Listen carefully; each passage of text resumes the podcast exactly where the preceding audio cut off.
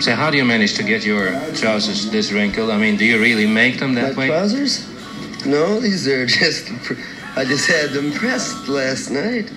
I don't understand.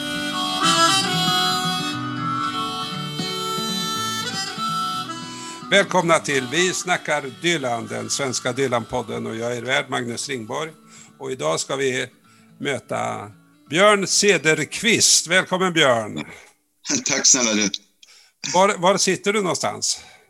Jag sitter i skogsbrynet uppe i södra Dalarna och är långt borta ifrån eh, allt stressande. Eh, eh, mest blir det musik och sen målar jag en del också. Ja, ja, ja. Det blir ganska mycket musik. Jag har fått en lista ifrån dig.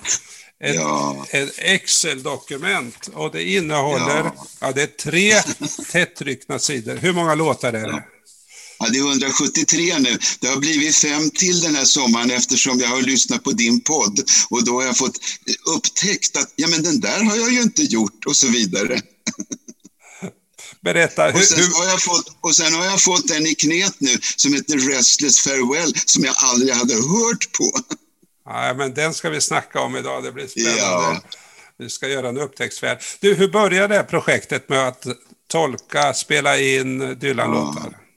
Jo, eh, egentligen är det så här förstår du, att när jag bläddrar i mina eh, eh gamla musikpapper så hittade jag från 1964 en översättning som jag hade gjort av eh, eh en Dylan-låt, eh, eh, eh, Don't think twice hette den. Och det, jag hade gjort den till svenska därför att vi sjöng den tillsammans grabbarna. Vi sjöng ju mycket, vi hade en grupp tillsammans. Men jag tänkte, vad är det egentligen? Alltså, det är en sak att sjunga engelska, men vad är det egentligen vi sjunger om?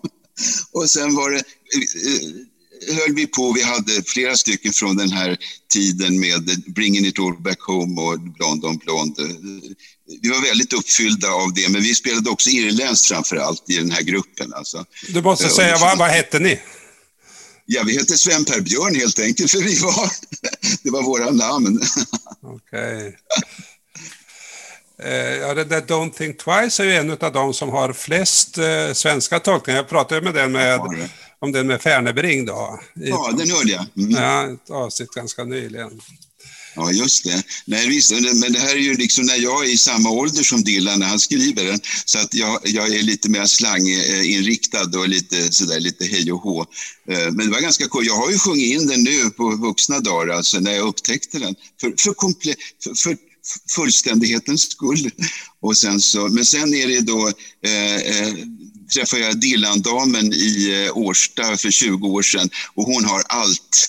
Eh, och eh, då sätter det fart igen och vi lyssnar på Time Out of Mind ständigt i bilen, Highlands, obligatoriskt sitt, sista kvarten innan man når fram till södra Dalarna så är det Highlands.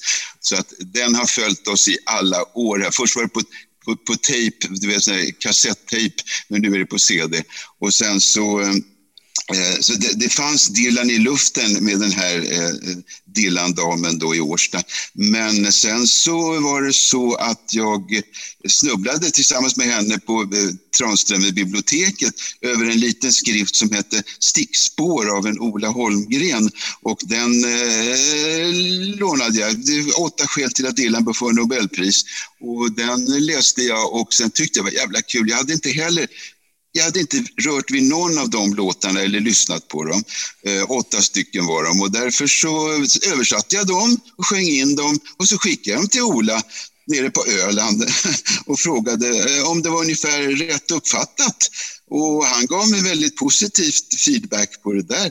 Så att eh, det satte igång det hela. Och, sen, och det var ju liksom, sen blev det corona och massor av tid där uppe i Dalarna. Så att sen har jag successivt, du vet hur den ena låten ger den andra och får man ett tips därifrån och bla, bla, bla. Så jag blev ganska komplett på flera av hans album i översättningar. Och det är framför allt, hör du, för att det är jätteroligt att sjunga. Alltså få en anledning att eh, sjunga igen. Eh, jag har ju sjungit en hel del av de här på engelska då, även senare i rock och popgrupper och sånt där. Men eh, får jag ner dem på svenska så blir det, ja, Ulf Dageby gjorde en översättning av eh, den här, vad heter den?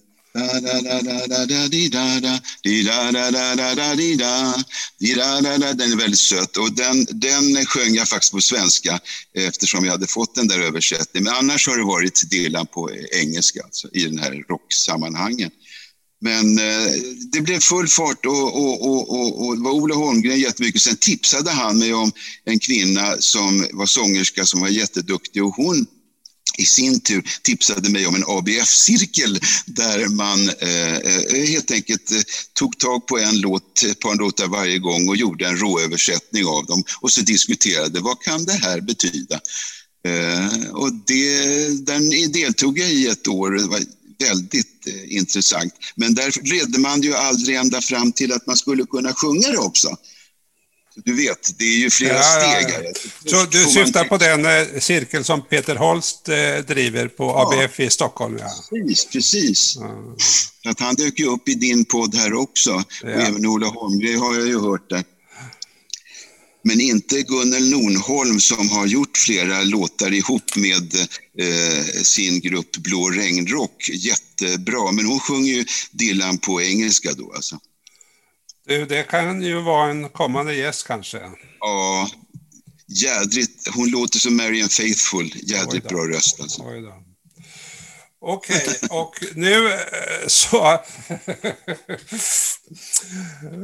utav alla dessa låtar som du har gjort alltså.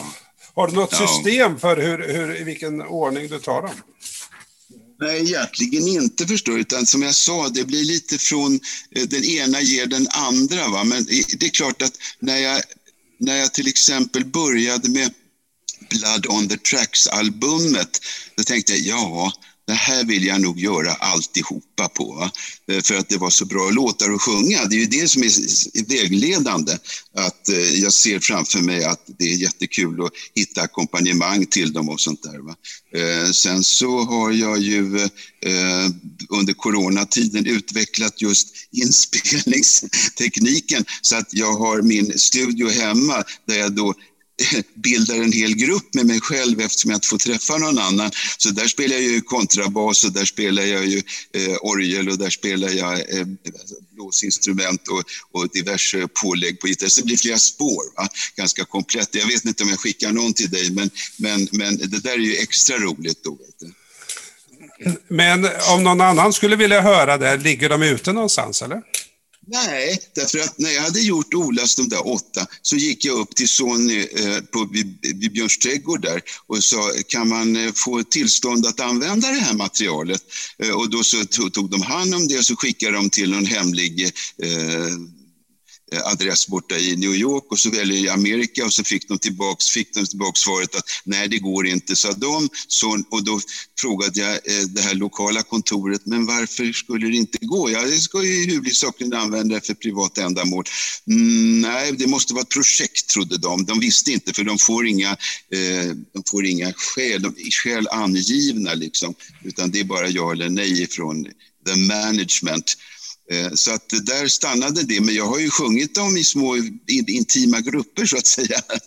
Men kommersiellt har jag inga som helst, utan min idé är ju att det är jätteroligt att göra. Om någon vill ta någonting som har ett projekt så skulle det vara jättekul naturligtvis. Okej. Okay.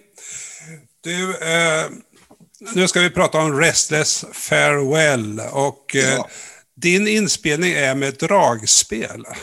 Ja, det var lite kul. Det var för att vi har hållit på med det. Vi spelar klarinett och dragspel här, jag och min eh, Dylan Dam. Va? Och då så har vi eh, eh, kommit fram till... Eh, och, då, och då när jag började pula med den här låten så, så tänkte jag att det skulle vara rätt mysigt om det här fick den här stämningen av en irländsk pub där man sitter och eh, trevar sig fram i en låt eh, medan eh, ölglasen svingas. Och, och, för jag har varit där i Belfast någon gång och hört ungefär hur, hur de latchar alltså. Eh, så det var mer för den stämningen. Jag tycker det här dragspelet är så roligt. Vi hittade det för 500 spänn på Årstavägen vet du, i en loppis. Så nu är det det som gäller. det finns en video med Dylan från 1964 som Jaha. är lite... Eh, ja, det är scenografi, eh, han sitter som i en gammal skogshuggarkoja nästan och så ser man ja. några vänner skymta i bakgrunden och så är det ja. ett, ett bord eh, med lite utdruckna flaskor och sådär. Det är ju den, den bild som man målar upp i, i första ja. versen.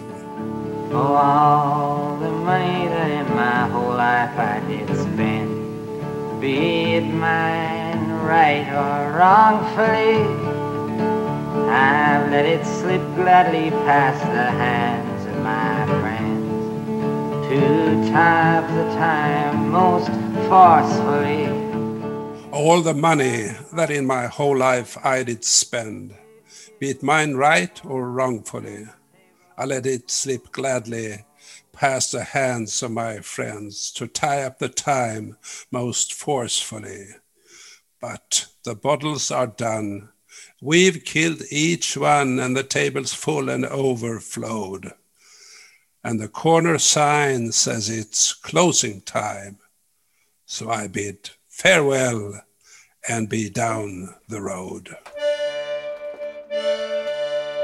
Jag slösat med pengar i hela mitt liv.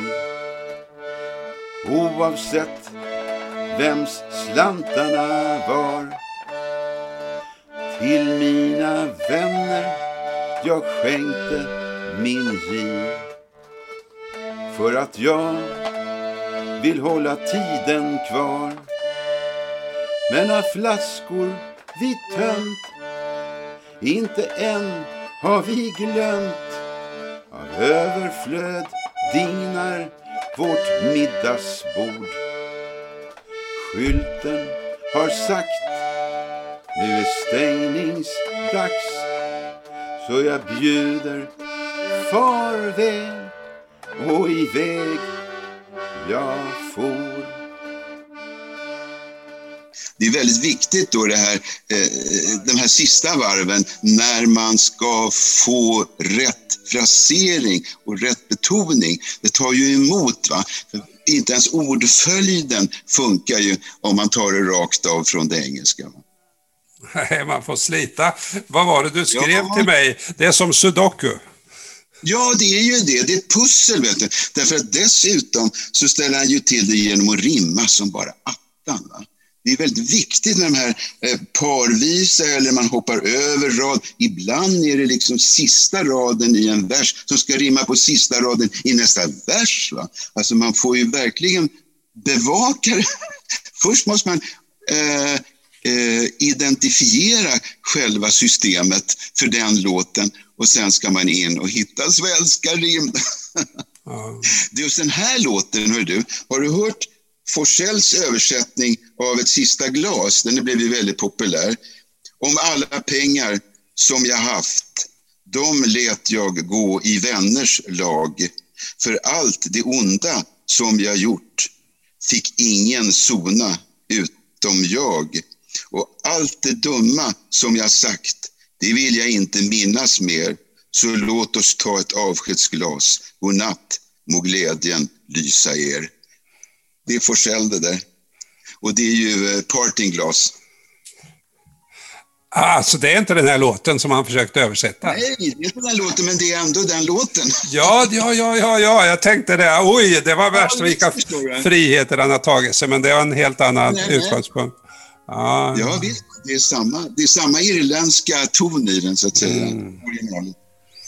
Och alla pengar som jag haft de let jag gå i vänners lag För allt det onda som jag gjort Fick ingen sota utom jag Och allt det dumma som jag sagt det vill jag inte minnas mer. Så låt oss ta ett avskedsglas. God natt, må glädjen lysa er. Oh, all the money here I had I spent it in good company And all the harm that here I did last was done to none but me. and all I've done for want of a wit to memory now I can't recall. So fill to me the parting glass. Good night and joy be with you all. Ja, han är ju 22 år när han skriver den här låten. Ja, ja, det är otroligt. Och han, han eh, låter som en farbror som, eh, som, som gör upp räkningen med sitt liv. Va? Ja. Helt galet. Men alltså det är det här att leva sig in i roller va. Ja. Men det var ju det, han var ju mycket äldre då, kom ihåg det. Ja, ja, han var mycket äldre. Han blir yngre med, Ja. och yngre med åren. Ja, nu är han ja, 80 år ung. Ja, det är sant. Och så, eh, man kan ju säga att den här sången är en slags eh, traditionell låt, en sån här Rambler Gambler-låt. Jag har eh, slösat med pengar, men jag har haft kompisar, jag stannar aldrig på något ställe. Eh, och kvinnor har jag haft och jag kanske har varit lite ovarsam och så vidare. Det kommer ju nästa vers då. Ja, Så här är han ju på ett sätt ganska traditionell för den amerikanska genren utav sådana här Rambler Gambler songs. va. absolut, absolut. Och så kommer han till i, i tredje versen här. Eh, oh every foe that ever I faced, the cause was there before we came. Så vad, vad är det som händer i den versen? Ja, han, han erkänner väl att han har ett hett temperament och han, han ger lite bild av sig själv men han eh, minsann eh, så, så, så, så eh, slåss han utan ånger och skam. Så att han är stolt som tusan. Men det är så att han tål inte dagsljuset. När ridån har gått upp måste nattmörkret dö dagsljuset bländar som ljusaste snö. Ser jag någonsin dag blir jag hejdad ett tag så när det ännu är natt vill jag säga adjö. Så att han måste smita ut redan i, i, i, tid i mörkret. Det börjar bli lite, ja, jag fick en bild där av en, en figur som, som är ljusskygg alltså. Ja, det verkar så va. Det är inte säkert att han har helt rent mjöl i påsen om man tänker sig den här rollen han, han tar sig. Han får smyga iväg i gryningen. Mm. Men sen tänker jag att i fjärde versen Ja, så, så blir det mer personligt på något sätt. Alltså, ja, Eh, han sjunger så här. Oh, every thought that strung a knot in my mind. I might go insane if it couldn't be sprung. Och sen kommer den här flotta versen tycker jag, eller raden. But it's not to stand naked under unknowing eyes. It's for myself and my friends my stories are sung. precis. Precis Alltså jag får precis. bilden av här att han ja, han är naken och han känner sig inte helt förstådd. Och här är väl det som vi har återkommit så många gånger i den här podden till det här skiftet från trycket utifrån. Skriv de här låtarna när jag vill skriva mina egna låtar. Får jag välja min egen väg? Och det, det är sådana grejer där, tänker jag, som, som kommer in rätt starkt här. Det är riktigt. För att där är han mera självprövande på något sätt och eh, säger att det är bara för sig själv och sina vänner som han skriver och berättar. Eh, det, det är inte någonting som han vill basunera ut och tiden är kort och jag behövt vad jag fått. Inget ord kan ägas av en, en enda vän fast linjen bröts inget avslut. Här liksom håller han öppet för att man ska ses igen. Säger bara farväl tills vi möts igen. Så det, där är lite mer... ehm, ja, det är inte definitivt avsked i den versen. Och, och här kan jag tänka mig att man får slita som eh, tolkare alltså, eftersom Ja. hans, hans eh, ord är ju svåra att möta. The time ain't tall, säger han till exempel. Det är, ju- Jag har aldrig hört någon säga att, att eh, tiden kunde vara tål på det sättet, men hos Dylan blir det bara så. Det är, det, nat naturligtvis. Det rimmar. Ja. På, om du fortsätter raden ut. But the time ain't told yet on time you depend. Ja, sen kommer ju... Nej, okej, okay, nej det gjorde inte det. Nej, det nej, var inte rim. Nej, det var inte. De, där raderna, de, där, de där sista fyra raderna är ofta inrim i, va? Men ja. tiden är kort, jag, beslöt, jag behövt vad jag fått. Inget ord kan ägas av enda vän. Linjen bröts, inget avslut beslöts, va? säger bara farväl tills vi möts igen. Det finns en, en, ett rimmönster, men han överger det ibland. Ja, just det. Det, det är typiskt Dylan att han... Men tiden är tål. Det, ja, för mig blev det ju att eh, tiden är kort. Va? Men ja, ja. Det, ja. det är stiligt med det där att den är inte stor. Just det. Hög. Högväxt på något sätt. The time ja, ain't tall. Ja, men du vet. Ja, det, hur fasen ska man hitta det alltså? Ja. Det är spännande faktiskt att eh, att det kan vara, det ligger väldigt mycket i, det, som du är inne på, alltså, det är bilder och när man sitter och pular med det så är det ju så att man klamrar sig fast vid olika bilder, även om de inte precis står där va, så, så måste det bli, nästan som du sa, att du föreställer dig den här, den här eh, miljön, den här puben alltså, där, där detta utspelar sig. Eh, ja, man vill vara där. Det... Absolut. Och eh, så kommer då den, den sista versen och ja. eh, där vill jag gärna läsa hans, eh, för det tänker jag det är den mest personliga och, och där är han ju också den, den stora poeten. Oh, a false clock tries to tick out my time, to disgrace, distract and bother me. And the dirt of gossip blows into my face, and the dust of rumors covers me. But if the arrow is straight and the point is slick, it can pierce through dust, no matter how thick. So I'll make my stand and I remain as I am and bid farewell and not give a damn. Precis, lite klack, klackspark på slutet i, i, i sista råden. Ja, han vill visa att det är stolthet. Här återfår, återhämtar han sin stolthet som han lite grann har, har, har, har öppnat för sin sårbarhet i versen innan. Va? Så att, eh, det här är ett mönster som kommer igen ofta hos Dylan, tycker jag. Att han, för, först målar han upp en bild, en situation och sånt där och sen så problematiseras den och sen så eh, börjar han ifrågasätta sig själv eller så, det, det, ja, det, det, det börjar Eh, eh marken börjar eh, svaja lite. Va? Men sen tar han tag igen och är stolt och lämnar. Så att det, här, det här är bara ett exempel på vad som sen kommer igen i hundratals låtar. Samma mönster. En klocka så falskt räknar ut min tid för att reta, störa och besvära mig. Skvaller sprids runt och stör min frid. Stoft från rykten, det täcker mig.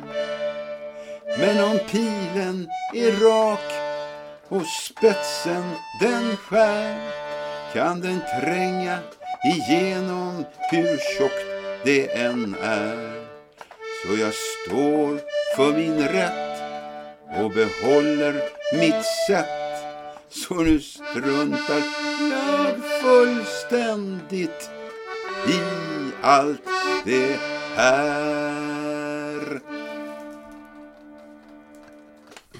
Ja, det var intressant. Jag, jag har inte, aldrig tänkt så. Kan, eh, Ja. Kan du hjälpa mig? Ser du någon annan låt där du ser det där äh, mönstret? Alltså, hade jag tid så skulle jag bläddra. Jag tänker Shelter from the Store, tänker jag på, men jag, det, eh, höll jag på en stund så skulle jag kunna...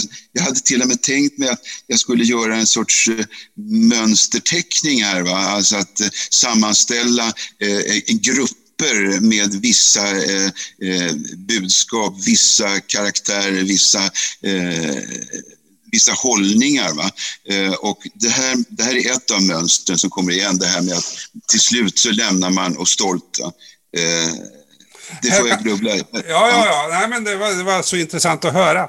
Alltså, här kan man ju tänka sig att hela den här sången, det är ett slags eh, avslut, vad jag har gjort med mitt liv och, och eh, precis som du säger att man är lite självutlämnande, man är lite självkritisk men, men ändå jag har gjort, jag har gjort eh, vad jag kunnat.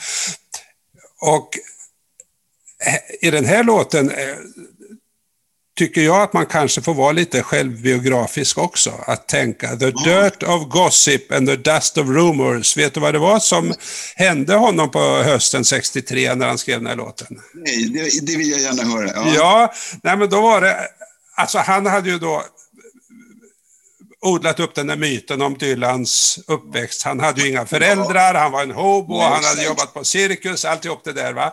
Och på den tiden fanns ju inte internet, ingen kunde kolla upp någonting. va? Så att, ja, så där var det. Och så kommer då en eh, Newsweek-reporter som heter Svedberg. Ja. Och nosar upp och tar reda på hans uppväxt i Hibbing och så vidare. Ja, just det. Så och, just det. och, hon ska skriva för Newsweek. Och så säger han, jag vill göra en intervju. Nej, det vill han inte. Ja, men då publicerar jag det här ändå. Så gör hon intervjun i alla fall.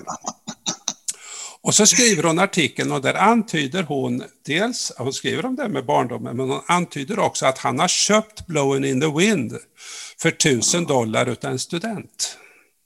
Jaha. Ja. Och, Själva låten, texten eller melodin eller? Ja, men det var en story. Det var, det var liksom ja. inte riktigt det där, va? men Nej. det, det spriddes okay. ett sånt rykte eftersom det var en sån världssuccé. Och och, och, det här var ett enormt slag för Dylan alltså, så att han ja. kände sig förrådd.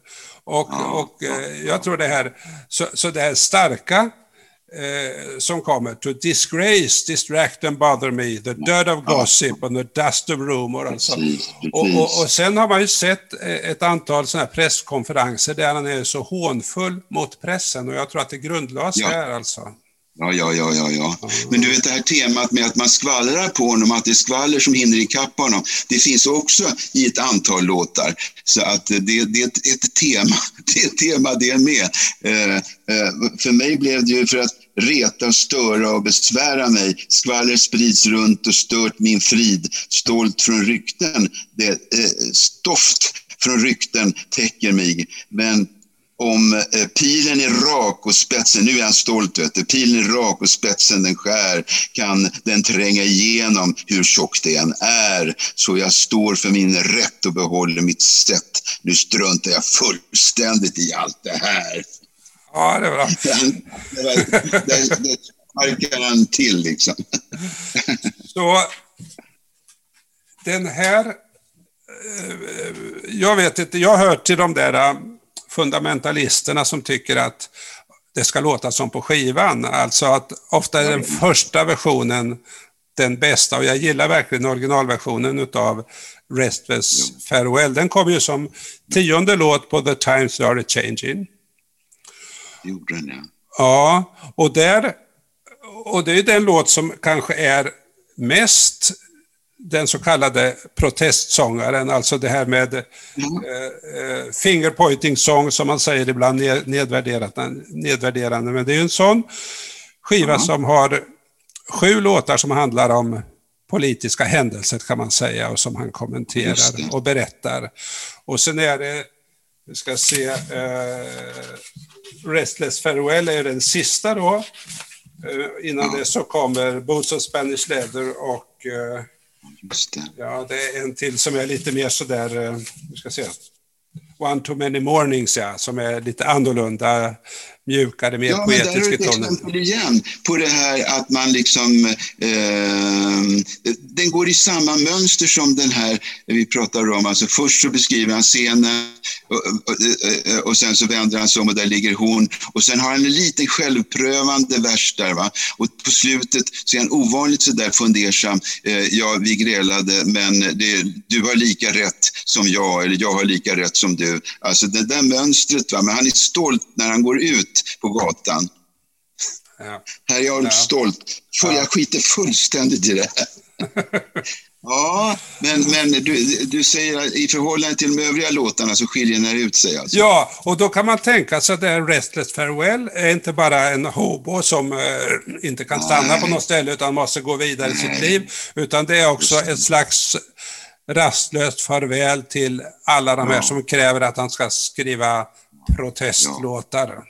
Precis. Jag måste gå min Jag egen väg. För, jag skriver för mina vänner och mitt, det, det är liksom egentligen de närmaste som jag eh, öppnar mig för. Mm, som i versen näst innan. Ja.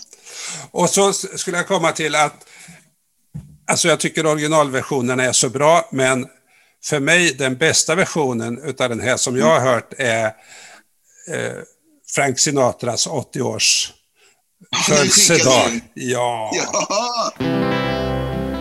All the money in my life I could spend.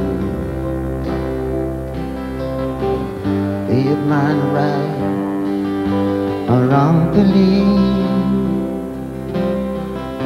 I let it slip gladly through the hands of my brain. To tie up the time most forcefully.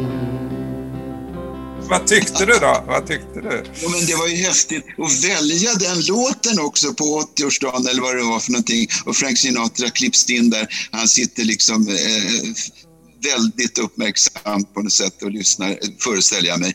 Eh, men det är ju svårt, många verser, liksom väldig fokusering va, för att få fram det här ordentligt. Eh, men visst är det ett härligt, eh, en härlig gåva liksom efter ett långt liv på, en bemärkelsedag. Storyn var så här, alltså det här är en stor tillställning den här 80-årsdagen. Och Det är massa sådana här världsartister. Alla sjunger Sinatra-låtar. Alla sjunger Sinatra-låtar utom Dylan. Och varför sjunger inte han en Sinatra-låt? Han älskar ju Sinatra. Han har ju sjungit Ja. fyra eh, LP med Sinatra-låtar. Men, Senare va? men Ja. Sinatra bad Bob sjunga just den här låten. Men vad säger du? jo, jo, jo. Fastnar för den. Ja, men det är lysande. Visst är det det? Visst är det Ja, det? det är jättebra. Det är så här är bra med din podd, att man får en massa nya perspektiv på grejer. Och jag tror det var så här, alltså att Ja. t- tänkte att vara Sinatra. Och så hör man då eh, folk sjunga, eh, dels eh, alla ber honom, kan du inte sjunga My Way? Det är ju hans allra största låt. Va? My. Han måste ju vara så trött på den där My Way alltså. Men det här är ju samma låt va? I did it my way, men det är Bob som sjunger den alltså. Ja, och har skrivit den. Och, och, och just det, och den har den här eh, folkvise, den irländska folkvisetonen och allting sånt där. Va? Ja, det är jättebra. Och, och när, man Ja, ser, när man ser den här videon så är det också, tycker jag, att sammanhanget präglar Dylans sätt att sjunga den, därför att han sjunger den inte det- till en stor publik, han sjunger den till Frank. Så det Ja, finns en ja, ja. intimitet i det där som är Absolut. Absolut. så stark. Va? Ja, väldigt fokus. Men det är ju fantastiskt på att fokusera i, i märkliga, bullriga, hopplösa sammanhang. Så liksom är han där. Hur kan han memorera alla dessa texter och framföra dem korrekt i, i, i ett stadium, i, i, i Colosseum i Rom eller you name it. Va? Alltså hålla ihop. Han måste vara väldigt, väldigt fokuserad. Och han har ett band bakom sig också, till exempel i den här Sinatra-videon, där de är Ja. på sitt allra bästa. Alltså de både lugnt, ligger lugnt bakom honom så fraseringen träder fram så tydligt och ändå så är det där storslaget, en slags klockklang alltså som understryker allvaret i sång. Ja, det- Ja, det är jättebra. Det är verkligen bra. Ja, nej, men det som har inspirerat i din podd, eh, det är ju också den här Isabellas berättelse, personliga berättelse om förhållandet till Bob Dylan och hans texter. Och, och jag, jag hörde henne någon gång i Vita bergsparken, jag tänkte ska hon också hålla på och flamsa med Dylan eh, för att det är inne nu? Men hon hade ju ett väldigt djupt förhållande. Och sen så var det ju en låt som hon hade komponerat som handlar om hennes förhållande och hur, hur hans texter och hans musik faktiskt öppnar och räddar henne. Och den, den gjorde jag också en översättning och skickade till dig. Den var jätte, jätterörande Ja, alltså. Och, och out, jag of the, out of the bell jar, som heter Ja, Under precis. mitt glastak i din översättning. Ja, det blev glastak för det blev bättre eh, eh, eh, rytm i det. Va? Men annars är det ju glaskupan som det handlar om. Eh, Och jag tyckte det var fascinerande att höra den därför att eh, när Isabella sjunger Under the, From the Bell Jar så, Ja. så är det ju det är hennes liv men det är också referenser till Dylan-låtar hela tiden. Ja, ja. Men i din ja, översättning så blir det mera naket på något sätt va? Absolut. Det här handlar om hur jag har kämpat inte med... tit- Nej, precis. Jag, använder ju inte, jag återger ju inte titlarna på låtarna, utan det är innebörden i titeln då som kommer in i texten. Alltså. Och det menar ju hon också, men det binds lite av att det faktiskt är precis så här en viss låt heter. Ja. Nej, det är Du. Björn, eh, det är dags för oss att runda av nu. Det här var oerhört roligt eh, att prata med Ja. dig och du formligen bubblar utav... utav Ja. Och eh, du är ungefär lika rastlös som Bob tror jag. Ja, men du, var det inte festligt att det just hade kommit en, en, ytterligare en bok av den här Halien som heter, tar fasta på just rastlösheten. Clinton Halin. Eh, och jag hoppas att du inte tar farväl utav ditt projekt utan översätter och spelar in 173 Ja. låtar till. Ja, precis. Beroende på vad du kommer upp med så ska jag ta dem också. Så. Bra. Tack jag ha. hade nästan alla. Bra. Tack ska du Tack ska du ha. ha. Hej. Kul. Hej.